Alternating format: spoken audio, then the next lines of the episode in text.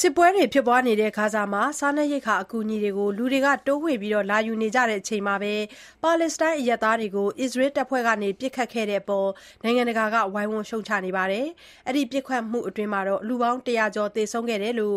ဟာမတ်စ်အဖွဲ့ထိန်းချုပ်နယ်မြေမှာရှိတဲ့ ပါလက်စတိုင်းကျန်းမာရေးဌာနက ပြောပါတယ်။လူပေါင်း ၁၁၂ ယောက် သေဆုံးခဲ့ပြီး ၇၅၀ ကျော် ဒဏ်ရာရခဲ့တဲ့ ဒီဖြစ်ရပ်ဟာ လူသတ်မှုကြီးဖြစ်တယ်လို့ ဂါဇာကျန်းမာရေးဌာနက ပြောပါတယ်။အစ္စရေးစစ်တပ်ကတော့ ဆာလောင်မွတ်သိပ်နေတဲ့ ဂါဇာဒေသခံ သောင်းနဲ့ချီစားနပ်ရိက္ခာတွေ သယ်ဆောင်လာတဲ့ ထရပ်ကား ၃၈ စီးပါ ယာဉ်တန်းအနီး ဝိုင်းအုံရောက်လာချိန်မှာလူအုပ်ပိသေဆုံးသူနဲ့ ဒဏ်ရာရသူ ဒါဇင်နဲ့ချီရှိခဲ့ကြောင်းနဲ့ အဲဒီထဲမှာ လော်ရီကားအောက် အနင်းခံရပြီး သေဆုံးဒဏ်ရာရသူတွေလည်း အများအပြားပါဝင်တယ်လို့ ပြောပါတယ်။လူအုပ်ကြီး ပြေးဝင်လာချိန်မှာ ခြိမ်းခြောက်မှုဖြစ်လာတယ်လို့ ယူဆပြီး